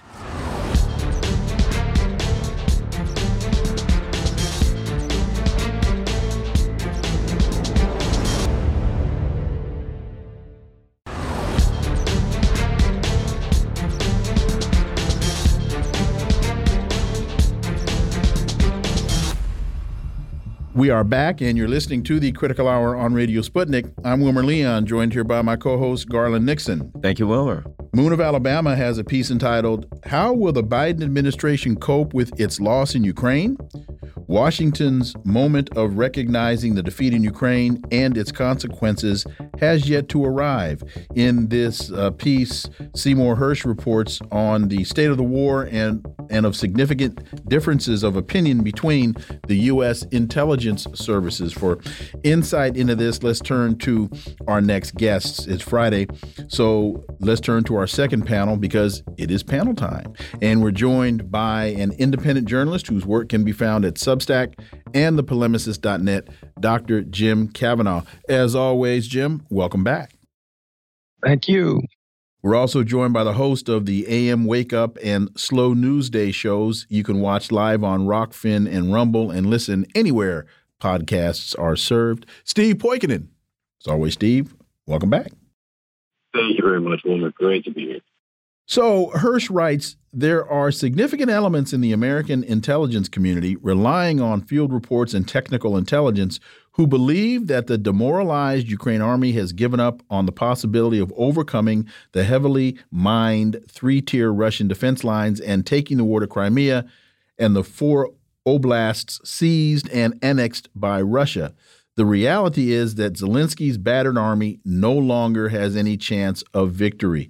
Uh, Dr. Jim Kavanagh, your thoughts on Hersh's assessment? Well, let's start there. Your thoughts on Hersh's assess assessment? Well, he's he's communicating his CIA informant's assessment, which is very serious. Quote, the war is over. Russia has won. There's no Ukrainian, Ukrainian offensive anymore. The White House and the American media have to keep the lie going. If the Ukrainian army orders it tries to continue the offensive, the army would would mutiny. So that's the, according to Hersh, that's the CIA uh, analysis of the situation, which he says the DIA, the Defense Intelligence Agency, has a different analysis. They still have some hope for possible success in some way or another. Clearly, the tide has turned. The worm has turned. Uh, however you want to put it. Uh, many, many more people are acknowledging in the Western media, United States and Europe, uh, the Daily Tele- uh, the Telegraph from Britain, The Economist, that Ukraine offensive is essentially over. They're never going to get the goals they set for themselves for the Ukraine offensive, which means they're never going to defeat the, the, the, Russians. Now, what the United States is going to do about it, I don't know. You know, there's there's a the, my my analysis a few months ago in my zombie war article was they're going to try and hide the fact. They're going to try and obfuscate it with a ceasefire and a long war, a kind of stalemate situation for an hour, for at least a couple of years, so that the the fact that it's a loss is not is not acknowledged. I don't think the Russians will will accept that, and it's going to be very difficult, especially since we don't have a leadership. Joe Biden cannot continue as American president, or certainly into the next administration. He'll be replaced somehow or another, and it's you have as we see in the first thing a split in within the national security state, even on what what the, what the status of the situation is and what to do about it. So it's going to be one hell of a mess. Steve Poikonen, your thoughts? Well, when they they finally came out and admitted that we were in a proxy war a week or two ago, that signaled to me that that we were about to see all of the the the Ukrainian war experience was about to do what the Blues Brothers car did at the end of the movie when they pulled up in front of the play and it just slammed the door and then it just fell apart. That's what the whole war effort is doing right now. Zelensky's trips to the UN and uh, Congress have been disastrous. There's been more and more reporting and more and more rumblings from you know, people that are, you know, occupying positions of perceived power in Congress about this is a disaster. It's not going anywhere. It's tied directly to the potential impeachment of Joe Biden. And that is a non-starter for anyone who wants to, you know, try and carry a, a career forward as a Democrat. So it's going to become as unpopular as Iraq did and uh, is going to become an election issue if it's not resolved beforehand. And the Republicans are going to be able to make as much political hay with it as they want because this isn't their baby.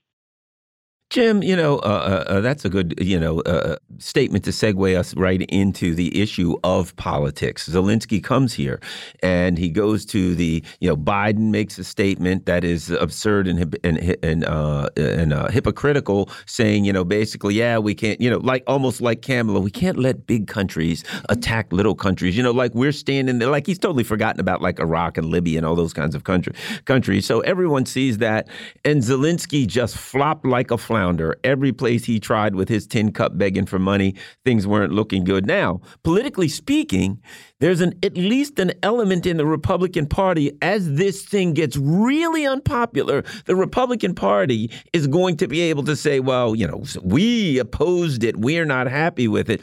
Man, this looks like calamity for the Democrats going into. Let's just hope we all survive. Let's just say we all survive this, Jim calamity politically politically for the Democrats going into an election season with this hanging around their head, this millstone around their neck. Jim. Yeah, it, it, look that J.D. Vance put out that letter signed by I don't know how many ten people or you know, which is a perfectly reasonable letter about. Look, we gave you all this money. We don't even know what happened to it, and you're telling us that you spent more money than we gave you, and we don't want to give you any more money. you know, and it was a perfectly reasonable letter, and not going to see any of the Democrats or the squaddies or the Bernie Sanders or the anti-war Democrats signing on to it, you know, and so they are in a situation they cannot win this if and they, they're obviously have wasted hundred more than hundred billion dollars in this, and they want to waste more. And all the Demo- all the Republicans have to do is say, "We don't, we don't, we don't want to waste any more money on this." It's it, it politically, it's calamitous. Uh, uh, it was calamitous uh, visit for Zelensky, and it's going to become a calamitous thing for Biden and Democratic Party. One of the reasons they might re- replace Biden is because they can then pin the war on him. They replace Zelensky. Also, they might do that, and he's the problem, and Biden was the problem. We have a new. Uh, Democratic nominee who's not going to be tied to this war. I don't know what they're going to do, but it is, as you say, the the the, the signals are all there that this is a going to be a five alarm fire for the Democrats and come, you know, if this isn't over in a positive way. And then if it's if, if the Ukrainians do lose and the Ukrainian army does collapse, which it very well might do, then they'll blame him for losing the war. you know, it's it's it's really a lose lose situation with the Democrats at this point. Steve, your thoughts on the political aspects, the political context here? Yeah, no, it's it, it's going to be an albatross. It's going to be a talking point on a campaign trail. Uh, as far as replacing Joe Biden, replacing Kamala Harris, we all know that, that Gavin Newsom has said several times that he has no intention to run, which is politician doublespeak for the party is going to call upon me to serve. And, and I, of course, am but a servant. So that's how that's going to play out but they can easily pivot and go, well, Gavin Newsom had nothing to do with Ukraine. And he didn't, you know, there wasn't a whole uh, phone call bragging at the Council on Foreign Relations how you had a prosecutor fired and all this kind of stuff. Yeah, doesn't have any of that baggage. He was running California. Sure, it was running it into the ground, but he was running it. It didn't have anything to do with Ukraine. So I think that, that there's political maneuvering for the Democrats to be had, but they've really got to throw the entire Biden administration under the bus, which, as we all know, they're certainly capable of. Jim, does the ghost of Afghanistan and Biden's uh, sloppy exit from Afghanistan factor into this as well? One of the things that could be going on in some of these meetings in the White House is looking at the 2024 election. If Biden leaves Ukraine before the election, then the Republicans say, see, you blew Afghanistan and you blew this too. Your thoughts? Yeah, look, exactly as I said, if, if, if the Ukrainian army collapses in some kind of horrible chaos, which it could do, you know, this guy was, this guy, uh, CIA guy, uh, Hersh is talking talks about they're about to mutiny. That's what happened to the American army. The soldiers started started fragging the, the, the officers, and if if you get mass mass surrenders in the Ukrainian army. There have been some already large surrenders, 20, 30 people at a time, you know, and the Ukrainian army collapses. And the point is that the Biden administration and the West and the EU tied itself and tied its credibility to winning this war and defeating Russia in a way that was stupid. They didn't have to do it and could not be successful. And they're going to pay the price for it one way or another. And uh, I, I just don't see uh, any way out of it for them now, and uh, they can they can try and suppress all the negative press about it, but it's not gonna it's not gonna work. And this is a much it's a much bigger loss than than the loss of Ukraine or Vietnam because it's the loss of NATO really at the at the end of the day. And Steve, same same question to you, but I want to go back to this piece by Patrick Lawrence and, and just quickly read this Karl Rove quote. We're an empire now, and when we act, we create our own reality. And while you're studying that reality judiciously as you will, we'll act again, creating other new realities, which you can study too. And that's just how things will sort out. We're history's actors, and you all of you will be left to just study what we do. That's what Karl Rove said back, I think, in 2004. So, same question to you, Steve. Is is the ghost of Afghanistan factoring into this decision as well? Well, I do think on a level it is. And that was the same, I don't know if it was the same speech, but it was the same era where Karl Rove predicted a permanent Republican majority and looking at the neocons running the Biden foreign policy department, most of the domestic decisions that he made, certainly most of the ones that Obama made, pretty hard to argue with old what George Bush's nickname for turd blossom. That's what George W. Bush called Karl Rove. Bush's brain. Right. Yeah. Well, yes, obviously. But, you know, Georgie had more affectionate nicknames mm-hmm. for his mm-hmm. pets. Um, it, look, there's it, it's a it, it's catastrophic for a number of reasons because Jens Stoltenberg just admitted uh, at a conference that you know, this was NATO's war. So to Jim's point, there's there's going to be a fallout that impacts the entire West. There's been a, a lot of plans put in place for uh, Western collapse on the part of a lot of people who are selling a lot of the bombs currently to the West. So it, it's controlled demolition and planned chaos. You can look at the way that uh, the way that digital currency is being implemented. You can look at the way that the censorship around the internet, not just in the UK, the Online Safety Act, but here with the Restrict Act, which is still kicking around, uh, and the admissions over and over that controlling speech is something that uh, our our Western governments are hell bent on. Um, that they're preparing for significant turmoil, uh, and it's turmoil that they're creating. So I would kind of pay attention to to where they're building their bolt holes for the next couple of years because that's where you're going to want to camp out. Well, Steve, you uh, uh read my mind. Uh, we want to jump right into the next article. Yves Smith over at Naked Capitalism. When authorities believe their citizens will become dangerous, disaster researchers researchers call this phenomenon elite panic. When authorities believe their own citizens will become dangerous, they begin to focus on controlling the public rather than addressing the disaster itself. Paul Robeson had a quote, Severi, that talked about this. Also, you know, when people are are are, are uh, fighting back against oppression, the the the the, the and I'm paraphrasing, the uh, correct thing to do is fix the oppression, not you know beat up on the people that are making the noise. At any rate, Jim, your thoughts on that? I mean, they talk about climate change here, but it's everything. If you say the wrong thing about one of these narratives, they got to come down on you out of fear rather than have an intellectual, open conversation. We'll start with you, Jim. Yeah, I mean, they. Uh, he quotes here uh, says uh, the guy who's writing the article: elites who run the state can either protect the citizens by changing their policy or protect themselves and their friends from the wrath of their victims. And this is the point, as you say. It's not. Uh, look, this is what I call what the, my uh, source for Marxist thinking here. Uh, uh, French philosopher Etienne Balibar calls the state of preemptive counter revolution. They know the crisis is coming. They know the social conditions for revolutionary crisis are coming. So they prepare in advance all the fascistic policies that they need to control that, that that that revolutionary crisis if it comes and they try also to replace it with other crises that they can control so that's what they've been doing excuse me, that's what they've been doing for the past couple of years with the suppression of free speech, with the more and more uh, tighter and tighter control, not only of speech, but of protest, etc.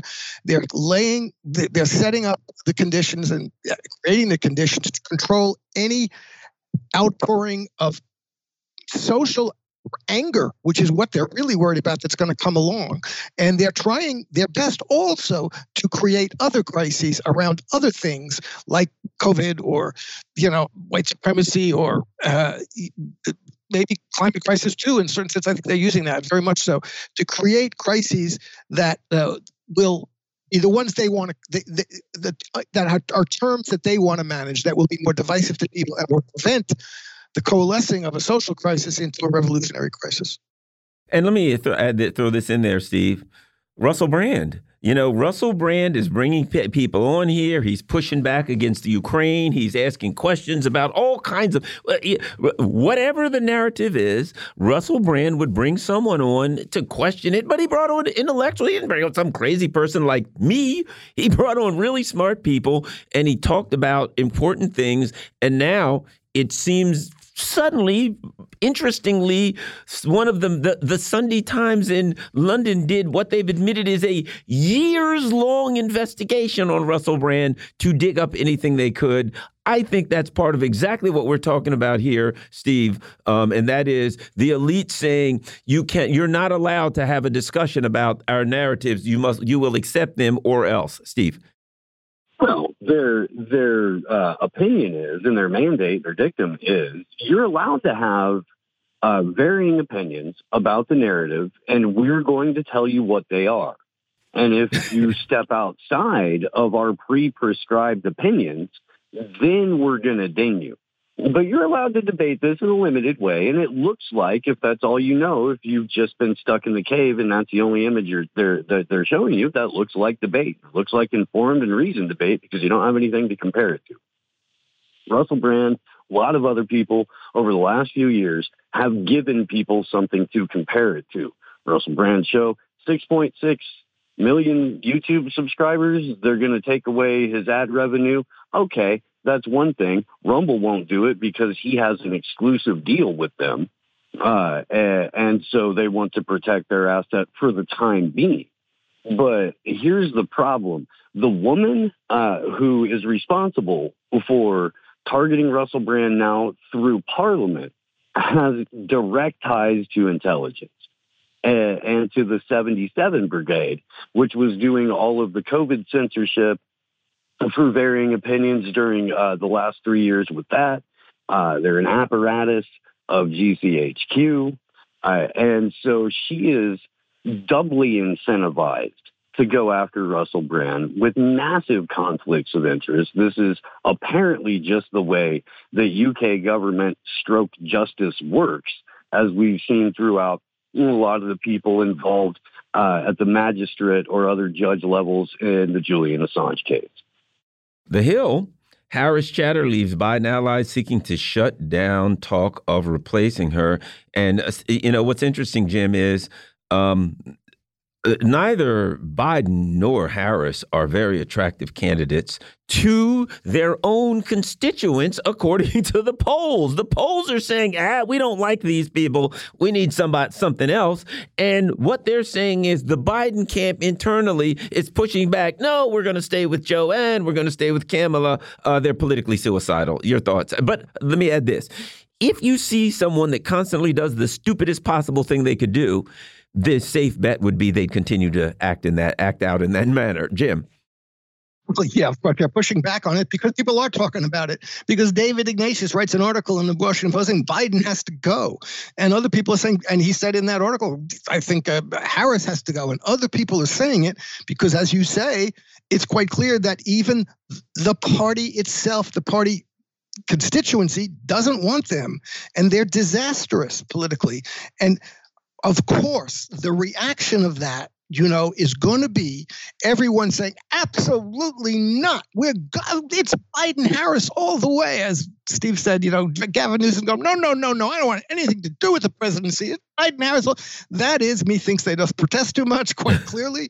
They're talking about it because they know it's going to happen and they just don't want anybody else talking about it right now because they want to figure it out themselves behind the scenes with nobody else intervening in the process. But clearly, they know it's a disaster. They know they have to do something about it. Something will be done about it they're just trying to keep everybody else else out of it, keeping a complete undemocratic process. So rather than having primaries and having the, the voters, the Democratic Party devoted voters decide who, whom should be president and vice president nominee, they're going to do it behind the uh, in, in, the back rooms themselves. That's what this is about, and it's really kind of strange because we don't know what's coming.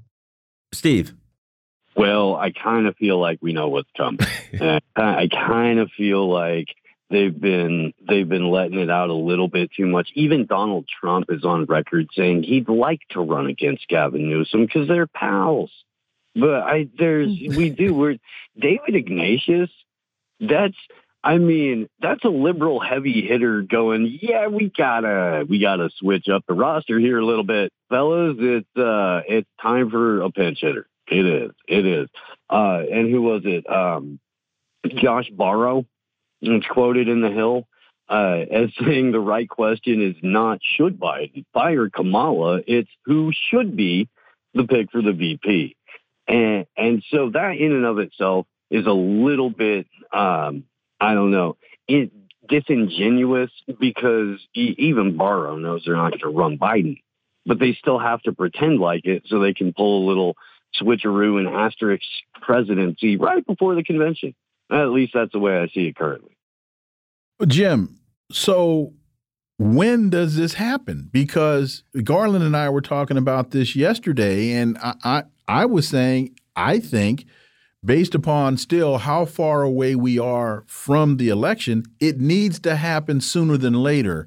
That will give the Democrats time to overcome all of the chatter in the articles and to establish whatever it is they're going to establish. I think the longer they wait, the harder it is to do, or the more the the fate becomes sealed. Jim. Except the the sooner they do it, the less justification they have for preventing primaries. You know, that's the problem uh, there. Kennedy is there. Marianne Williams is, is there. They're not going to go away. Kennedy has money and a lot of support. And if they if they say, "Oh, it's no longer Biden," then there's no that that presumptive the idea that Biden is the presumptive nominee because he is the president after right. all, and he's an incumbent. That goes away. So then they really have to have primaries. So I think they're going to try and and do it as quickly before as soon as, after the convention, the convention as, as or as close to the, the convention, convention, as possible. Yeah, I mean they, they might be able to, to to replace the the vice president before that that's something else. But it, that's why I say it's a mess. And I, I, agree. I think we know where they want to want to go with it, but I don't know how, when, and how they're going to get away with it. Steve. Oh no, that's, that's a fair that's a fair point that Jim made. They can ditch Harris at pretty much any moment, uh, and uh, realistically, eighty-five to hundred and three percent of the country is going to be okay with that decision. Uh, so that's yeah, yeah, that's not not necessarily a, a giant issue, but with Biden it is and they've got to be able to pull a fast one and they've got to be able to do it in a way that wraps up the last three to five years, blames it solely on Joe and Hunter, and then to a lesser extent, but just as important, Donald Trump. Uh, and unless they can do that, they're they're totally up the creek. And and I think that um, Biden and Zelensky's fate are, shall we say, inextricably linked. I think one of them's going to go, they're going to go together and they blame it on both. Maybe they'll both go on a plane ride. I don't know. Hey, the Hill reports did RFK Jr. hint the rigged DNC may force him to run third party? You know, Jim, here's the reality there is no universe in which the Democrats will allow RFK Jr. or anybody that they don't want to win to win. In fact, they won't even let him or anyone else have a conversation in a debate. This thing's over. Nobody can be. There's no democracy whatsoever in the, in the, in the, at the DNC. But that's the big question. Will RFK, you know, take a different, uh, an alternative perspective? He's throwing hints, Jim. Yeah, he did hint that quite clearly. He's he's got to hint that. He's got to do that if he's serious at all. He's got to make a decision relatively soon, probably before the end of the year. Uh, maybe drag it on to, to January, but he's got to make a decision to to run independently. If he's going to do that, he's got to do it. He's got to start doing it now and organizing for it as quickly as possible. And that's the problem. As I say, I think you're I think you're right that the Democratic Party will keep the keep the lanes close to him completely and uh, rig it and, and not allow and you know let him know he's not going to be allowed to win. I don't think it's impossible that they will open up that lane because as I say, I really do think that if they're smart, they will nominate Bobby Kennedy. And somebody in that party's got to understand that that uh, he's the best hope for Democrats. Uh, uh, you know, uh, and they just have to be willing to give up former, which they might be willing to do. And he's he's he's laid his line his line down on the most important thing, one of the one of the most important things, which is Israel, and that's that calms them down a lot. And uh, Ukraine's lost anyway, so somebody might see the might see the case of this. We're going to find out in a couple of months whether they're going to open up the lanes for him or not, and then he's going to have to decide whether to run it, whether to run independent or not. We we got to hit this story, Steve. We got to hit this story. Ukraine suspends death threat from their transgender military spokesperson. So Sarah Ashton Cirillo did this. Uh, Cirillo did this video where she said, "Hey, uh, we're gonna hunt down Russian propagandists." You know, I guess that implied we around the world, wherever the U.S. and they're to get their comeuppance. It was surreal when you looked at that, I mean, like she had this snarl and uh, speaking through her teeth, and I'm like, what the bloody crap is this? And uh, apparently, you know, I guess it didn't go over so well. It caused some outrage, and now the people in uh, the Ukrainians in the State Department have, you know, pulled it back a little bit. Well, she didn't exactly mean that. What a debacle! Your thoughts on that, uh, Steve? I am just this whole thing has been way too much fun. I understand that we're in the middle of a war and that there are people whose lives have likely been lost because of people who advocate along the same lines as this individual.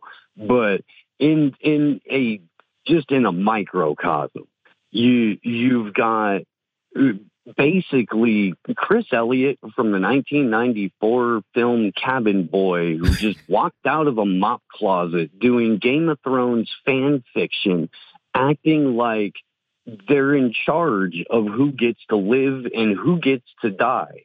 And, and that in it, that over the top performance encapsulates so well the the level of propaganda that we've been saturated with throughout the entire Ukrainian conflict. This person was the perfect spokesperson for for America's you know military observations on the situation in Ukraine and I hope that when this investigation comes to conclusion they're actually brought up on some sort of formal military charge for speaking the way that they did on camera.